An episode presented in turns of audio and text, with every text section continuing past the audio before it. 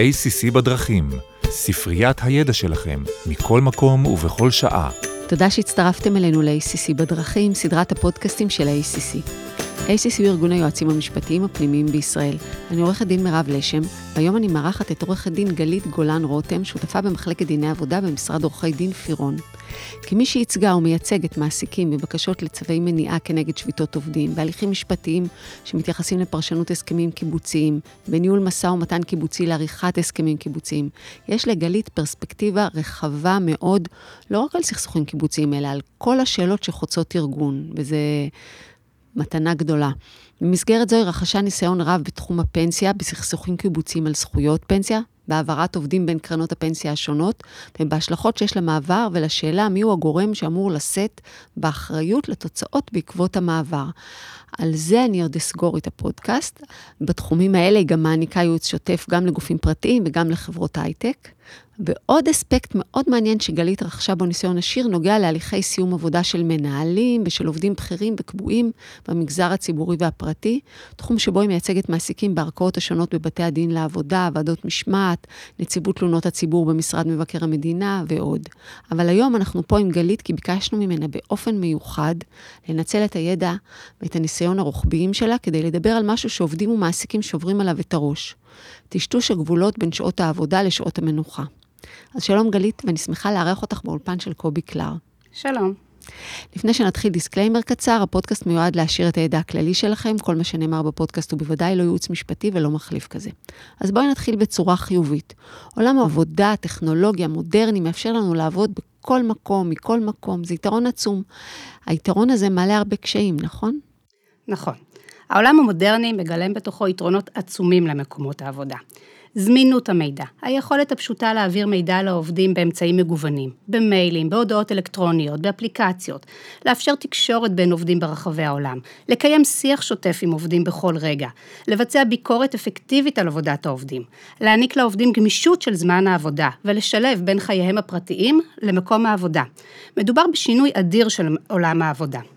אבל לצד היתרונות העצומים שמאפשר לנו עולם העבודה המודרני, יש גם דילמות משפטיות חדשות, שהדין הקיים עדיין לא מתייחס אליהן, ולא יודע להעניק להן פתרונות. אחת הדילמות המרכזיות שמטרידות בשנים האחרונות מעסיקים ועובדים, נוגעת לזליגה הקיימת בין זמן העבודה לזמן המנוחה, וגם ההפך, בין שעות העבודה של העובד לפעולות הפנאי שלו. את צריכה לתת לי דוגמה להמחשה. למשל, מה הדין של שיחות טלפון ושליחת מסרונים שמבצע העובד לאחר שעות העבודה הרגילות? האם הוא זכאי לתגמול של שעות נוספות בגין עבודה כזו? באילו נסיבות הוא יהיה זכאי לתגמול, ואיך בכלל נכמת את העבודה הזו, הנעשית לעיתים בתור לסופר, בגינת הילדים? בהתאמה עולה שאלה, האם זמינות כזו של עובדים למענה למקום העבודה בזמן חופשה, שוללת את היותו של העובד בחופשה? מקנה לו זכות לפיצוי נוסף? רצית דוגמה להמחשה, אז אני אספר לך על תביעה משפטית שטיפלנו בה במשרד. דנה עבדה במשרה חלקית כעוזרת הוראה במכללה, שמנהלת את החופשות השנתיות של העובדים על בסיס חופשות מרוכזות. כלומר, במועדים בהם המכללה סגורה, גם העובדים חייבים לקחת חופש, והחופשה בימים האלה ממצה את הזכות לחופשה של העובדים. דנה הגישה כנגד המכללה בקשה לאישור תובנה ייצוגית, וטענה שלמעשה היא מעולם לא הייתה בחופשה, ובהתאם על המכללה לזכות אותה ואת כל שאר העובדים במצבה, בפדיון מלא של כל ימי החופשה שעמדו לזכותם. סכום התביעה הייצוגית עמד כמובן על מיליוני שקלים. המכללה טענה מנגד שדנה לקחה ימי חופשה, ושהיא כמעסיקה העניקה לכלל העובדים, כולל לדנה, ימי חופשה מוגדרים במהלך החופשות המרוכזות. יותר מזה, המכללה טענה שדנה נהנתה מימי חופשה רבים, כי היא נסעה לחו"ל לחופשות ממושכות, גם בתקופות שלא חופפו לחופשות המרוכזות. התשובה של דנה הייתה, אני תמיד הייתי זמינה למכללה, והמשכתי לעבוד גם בימי החופשות. אפילו כשהייתי בחו"ל, בחופשה בתאילנד, המשכתי לעבוד ולענות למיילים. כדי להוכיח את הטענה הזו, דנה הציגה בפני בית הדין תכתובות מיילים שלה במהלך ימי החופשה. בית הדין האזורי לעבודה, שהוא הערכאה הראשונה שאנחנו מתנהלים בה, קיבל את הטענה של דנה, וקבע על בסיס תכתובות מיילים, כי על אף שדנה שהתה בחו"ל, בחופשה, ועל אף סגירת המכללה בחופשות המרוכזות.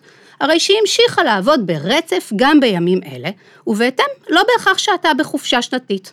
על בסיס הקביעה הזו, אישר בית הדין האזורי את המשך הניהול התהליך כתובנה ייצוגית.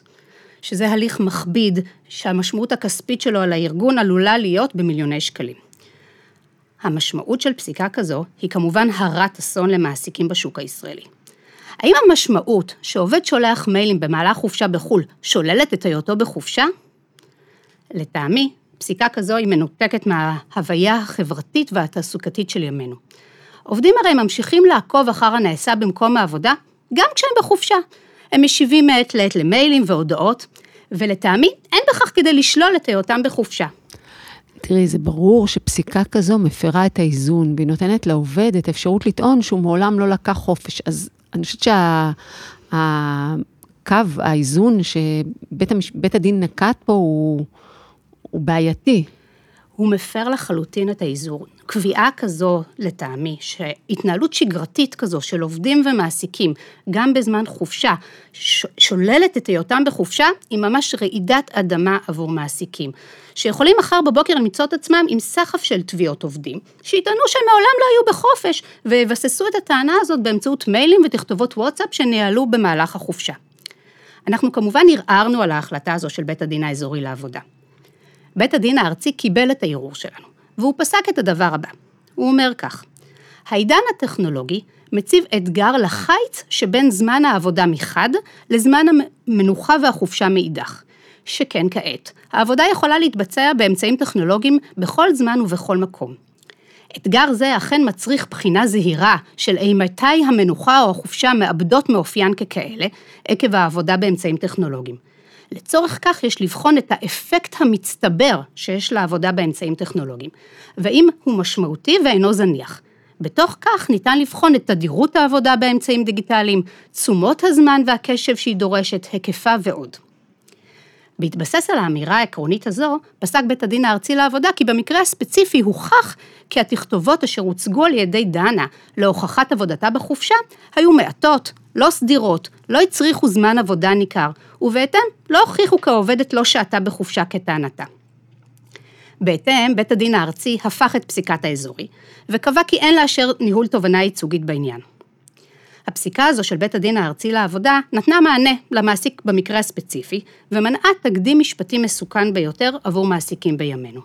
בעצם מה שבית הדין הארצי נתן, אני בהתחלה חשבתי משהו אחד, אבל עכשיו אני חושבת אחרת. הוא קודם כל קבע אה, פרמטרים אה, ש, לבחינה, שזה בעצם התקדים הרוחבי יותר, שאומר, אה, צריך לבדוק תדירות, אה, כיף, יש, צריך לראות פה איזה אפקט מצטבר, איזה common sense כזה, ובסופו של דבר הבחינה עצמה, היא מתבצעת על בסיס עובדות ספציפיות. נכון. הבעיה שעולה מהמקרה היא כמובן רחבה, ומעוררת שאלות קשות עבור מעסיקים. איך אנחנו בעידן המודרני, כשהמכשיר הסוללרי שנמצא לכולנו בכיס הוא מעין משרד קטן ונייד, אשר נלווה אלינו לכל מקום ומקום ומאפשר את הזמינות של העובד לעבודה כמעט מכל מקום בעולם ובכל עת. איך מעסיקים יימנעו מחשיפות משפטיות שיכולות להיות לא מבוטלות, בדבר עבודה בשעות נוספות ובדבר עבודה במהלך החופשה השנתית, שכן, כמו שאת אומרת, בית הדין באמת אמר שזאת יכולה להיות אה, עבודה ששוללת את החופשה. השאלה היא של האפקט המצטבר. הבעיה שלנו, הגדולה, היא שההתייחסות המשפטית לסוגיה המורכבת הזו היא מאוד דלה נכון להיום. חוק שעות עבודה ומנוחה נחקק בשנת 1951. הוא לא עודכן בהקשר הזה עד היום, ויש לנו מעט מאוד פסקי דין שעסקו בנושא הזה בשנים האחרונות. חני אופק היא שופטת בית הדין הארצי לעבודה. היא סקרה את הנושא במאמר מטעמה בשנת 2017, ובחרה לכנות את הדיפוזיה הזאת שבין עולם העבודה לעולם המנוחה בביטוי חדש. היא קראה לו אנוחה, כלומר שילוב לבלי הפרד בין עבודה ומנוחה. השופטת מתארת במאמר את מה שהפך לרובנו כדבר שבשגרה. חלק לא מבוטל מעבודת העובדים נעשית היום במרחב הפרטי שלהם, לאחר מילוי שעות העבודה במשרד ובשעות הפנאי והמנוחה. העבודה נעשית לעיתים קרובות במקביל לפעולות שאינן חלק מהעבודה. שיחות עבודה אשר מתקיימות במהלך ההמתנה בתור לקניות בסופר, או במהלך בילוי אחר הצהריים עם הילדים. מענה של מיילים שעה שהעובד מבלה בחוף הים או בבריכה, ועוד ועוד ועוד. העירוב והמיזוג הזה שבין המנוחה לבין העבודה בעולם המודרני הוא כל כך חזק, עד שכל ניסיון להפריד ביניהם וליצור איזשהו חיץ הוא מלאכותי, לא ברור וקשה להגדרה משפטית. בהתאם, כדי להחליט אם זמן העבודה שהשקיע העובד מחוץ לשעות העבודה, בתור לסופר או בחופשה בחו"ל, הוא זמן עבודה אמיתי שמזכה בתשלום או לא, אנחנו צריכים לשאול את עצמנו כמה שאלות. מתי זמן המנוחה, שנקטע באופן נקודתי על ידי רגעים של עבודה, נהפך לזמן מהותי של עבודה, יותר מאשר מנוחה? האם יש חשיבות לשאלה היכן שעה העובד באותה עת? האם יש חשיבות לשאלה אם העובד ביצע את העבודה בזמן היותו במנוחה עקב ציפייה ודרישה של המעסיק, או מאינטרס ורצון שלו? האם הציפייה הזו תוקשרה לעובד באופן פורמלי, או שהיא בכלל חלק מתרבות העבודה? במאמר סקרה השופטת חני אופק פסק דין שניתן בארצות הברית במדינת אלינוי. שם טענו שוטרים במחלקה ללחימה בפשיעה מאורגנת, כי הם חויבו לעבוד מחוץ לשעות העבודה באמצעות הטלפונים הניידים, וכי בהתאם הם זכאים לתגמול של שעות נוספות. בית המשפט באלינוי ולאחר מכן גם בית המשפט של הערעור דחה את התביעה של השוטרים, אבל קבע כמה קביעות חשובות. ראשית הוא קבע שעבודה באמצעות מכשירי טלפון ניידים לאחר שעות העבודה יכולה להיחשב כעבודה שמצדיקה תשלום של שעות נוספות. זאת במיוחד כאשר העבודה מעבר לשעות העבודה היא חלק מהותי מהגדרת התפקיד של העובד. לדוגמה, כשמדובר בעבודה שאינה סובלת דיחוי כמו עבודה של שוטרים. הוא קבע כי זמן העבודה במכשירים סלולריים לא ייחשב זמן עבודה, אם העובד עדיין יכול לנצל את זמנו הפנוי מהעבודה השגרתית לצרכיו האישיים ללא הפרעות אדירות. הוא קבע כי מעסיק אשר יאפשר לעובד לדווח על העבודה הזו, וגם יתגמל אותו בגין העבודה, יהיה חשוף פחות לתביעות כאלה. באותו מקרה פסקו בתי המשפט בארצות הברית כי השוטרים לא הוכיחו עבודה משמעותית. אם אני משליכה מהסכמים אה, קיבוציים עם עובדים שמגדירים תורנויות, כוננויות, הקפצות, אז בעצם, אני מתחברת לפסק הדין, השכל הישר מחייב שמסף מהותיות מסוים, הזמינות של העובד צריכה להיות מתוגמלת, או להילקח בחשבון בשעות גלובליות, או משהו אחר. מצד שני, יש גם איזה עניין שצריך לדבר עליו, ואנחנו עוד ניגע בו, זה זכות העובד שיניחו לו, שלא יציקו לו אחרי שעות העבודה, והזליגה הזאת היא צריכה להיות מטופלת במסגרת רוחבית, כדי שיהיה תאום ציפיות. זה בעצם משהו שצריך לדבר עליו. נכון, את צודקת. נראה שלכיוון הזה גם הולכים בתי הדין לעבודה היום. הבחינה שבסופו של דבר נקבעת בפסקי הדין השונים, היא השאלה מה האפקט המצטבר של העבודה שבוצעה מחוץ לשעות העבודה הרגילות, והאם העבודה הזו עברה את אותו רף מהותי שדיברת עליו, או שמדובר בזוטי דברים בלבד. העניין של השעות הנוספות הגלובליות הוא למעשה חלק מהפתרון. אני רוצה להזכיר פסיקה נוספת משנת 2018, שנתן בית הדין האזורי לעבודה בתל אביב. שם הוא דחה תביעה של עורכת דין בחברת נדל"ן, שעתרה לתשלום שעות נוספות בטענה שהיא עבדה מסביב לשעון. גם במקרה הזה, בית הדין לעבודה נדרש לבחון את גופם של הדברים, את היקפי ההתכתבויות, את היקפי השיחות מחוץ לשעות העבודה, את השעות שבהן התקיימו השיחות. ואחרי שהוא ביצע את הבדיקה המאוד ספציפית הזאת, הוא קבע לבסוף שמדובר היה בזוטי דברים, שלא מצדיקים תשלום של שעות נוספות. במיוחד מאחר שאותה עובדת ממילא הייתה זכאית באמת לתגמול של שעות נוספות גלובליות. גם בפסיקות מאוחרות יותר, הדיונים שהתנהלו בבתי הדין לעבודה נסובו סביב השאלה של היקף העבודה הנוספת אשר הוכחה. בתי הדין ממש נאלצים בפסקי הדין לצלול לתוך הראיות, לנתח את פלטי שיחות הטלפון של העובדים, את המיילים, את הודעות הוואטסאפ, ועל בסיסם, על בסיס הראיות האלו, בתי הדין מכריעים האם המעסיק אכן דרש את העבודה הנוספת, האם הוא ידע עליה, האם הוא לא בלם אותה כשהיא התבצעה, מה היה ההיקף של העבודה הנוספת שביצע העובד, האם הוא זכאי בהתאמה לתגמול של שעות נוספות, של עבודה בשבת, בחג, של עבודה בימי החופשה. אז מה המסקנה בעצם?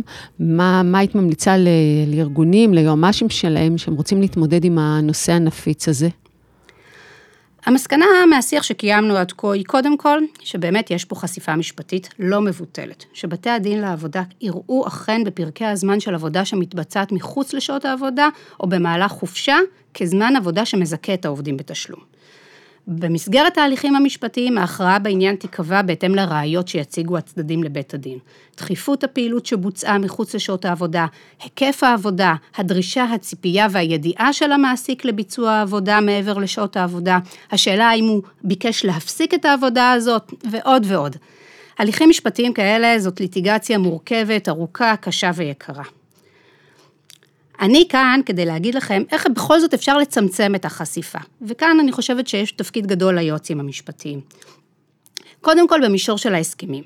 אני ממליצה לוודא שהסכמי העבודה של העובדים שעובדים אצלכם בתפקידים המתאימים יכלול תשלום של שעות נוספות גלובליות.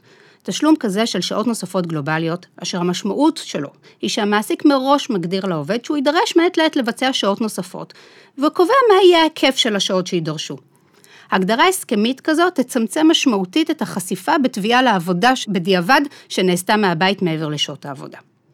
לצד זאת, יש לנו עובדים שאנחנו לא רוצים שהם יעבדו בשעות נוספות, ולכן במקרים האלה ניתן ומומלץ להגדיר להם בהסכם מראש שהם לא נדרשים ולא רשאים לעבוד בשעות נוספות, אלא אם כן הם קיבלו על כך הוראה בכתב. אני אסביר. הפסיקה קובעת כי עבודה נוספת היא חלק מהפררוגטיבה של המעסיק. בהתאם, אם המעסיק קובע שהעובד לא רשאי לבצע עבודה בשעות נוספות, ולמרות זאת העובד מבצע שעות נוספות כאלו, הוא על פניו לא זכאי לתגמול, ולכן חשוב מאוד לקבוע גם קביעה כזו מראש. נהלים, זה הדבר השני שאני יכולה להמליץ. אני ממליצה לקבוע נהלים מסודרים לגבי עבודה מחוץ לשעות העבודה הרגילות ובמהלך חופשה. להגדיר מתי ובאילו נסיבות נדרשים העובדים לעבוד מעבר לשעות העבודה מדי יום. מה היקף השעות המותר והמצופה. מתי עבודה כזו מעבר לשעות העבודה הרגילות מחייבת אישור של המנהל? מה קורה בחופשה? הגדרה כי בחופש העובד לא נדרש ולא מצופה לעבוד ולהיות זמין לעבודה. תגדירו שדרישה לעבודה בחופשה תצומצם רק למקרים הקיצוניים והדחופים ולהיקף פעילות מצומצם שהמנהל ידע עליו, יפקח, ובמידת הצורך, אם נדרש ואם יתבצע עבודה משמעותית, המעסיק גם יפצה את העובד על כך בזמן אמת. הדבר השלישי הוא פיקוח. צריך להבהיר למנהלים שהדרישה לעבוד מעבר לשעות העבודה או במהלך חופשה היא לא חלק מברירת המחדל שלנו. אנחנו נדרשים לכבד את, זמן, את הזמן החופשי של העובדים ולדרוש מהעובדים לעבוד מעבר לשעות העבודה רק במקרים דחופים מתאימים ובהתאם להיקפים המתאימים של השעות הנוספות ורק רק רק במקרים דחופים כשזה במהלך חופשה. בהתאם, אני ממליצה להעביר למנהלים שבמקרים כשהם נתקלים בעובדים שמבצעים עבודה בשעות שמעבר לשעות הרגילות, מבלי שהם זכאים לתגמול של שעות נוספות, או בעובדים ששולחים מיילים בזמן חופשה או מנוחה שבועית, אנחנו נתקלים בזה כל פעם כשאנחנו רואים מיילים באמצע הלילה, הם צריכים להיות מודעים ולבלום את התופעות האלה, לשלוח הוראות מסודרות לעובדים, כדי שיהיה לנו גם תיעוד לעתיד, שאומרות לעובדים, אל תעבדו בשעות האלה, אל תעבדו בסוף השבוע, אתם לא נדרשים ומתבקשים שלא לעשות את זה. כתיבה של נהלים והסכמים מתאימים לצד פיקוח מתאים, תאפשר ליועצים המשפטיים לצמצם את החשיפה המשפטית הגבוהה הקיימת בסיטואציה המשפטית המורכבת הזו.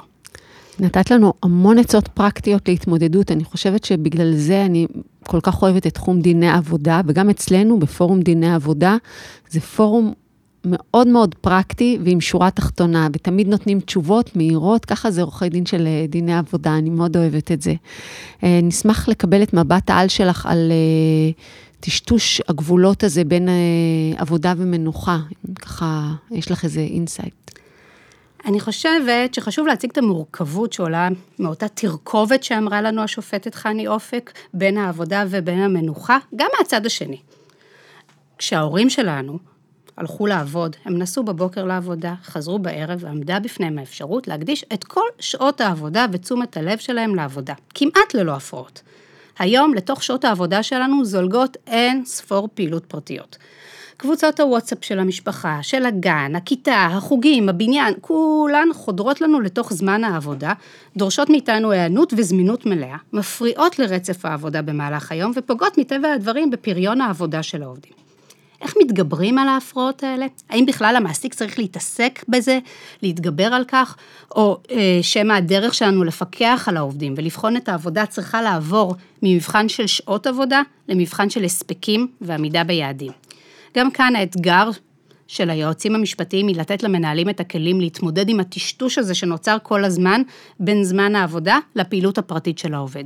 להבטיח הגדלה של הפריון לצד יצירת סביבת עבודה ברורה לעובדים, נעימה, תוך אפשרות לשלב בין זמן עבודה ופנאי באופן הנכון לשני הצדדים. תודה רבה, הצגת עכשיו באמת במבט על את הצד השני, ואי אפשר, כי זה כבר נוגע לתחום של, את יודעת, ניטור עובדים, חדירה לזה, אנחנו לא נכנסים לזה, אבל זו אמירה שיש מקום להגיד אותה. הטשטוש הוא לשני הצדדים. צריך, אה, לא יודעת מה, כל, מה הפתרון הנכון, אבל צריכה להתחיל להיות חשיבה וצריך להציף את זה ולהתמודד עם זה. אז uh, תודה רבה שעשית סדר בנושא הרגיש והבעייתי הזה. תבואי שוב גם על הפנסיות ועל עוד דברים. בשמחה. תודה. תודה.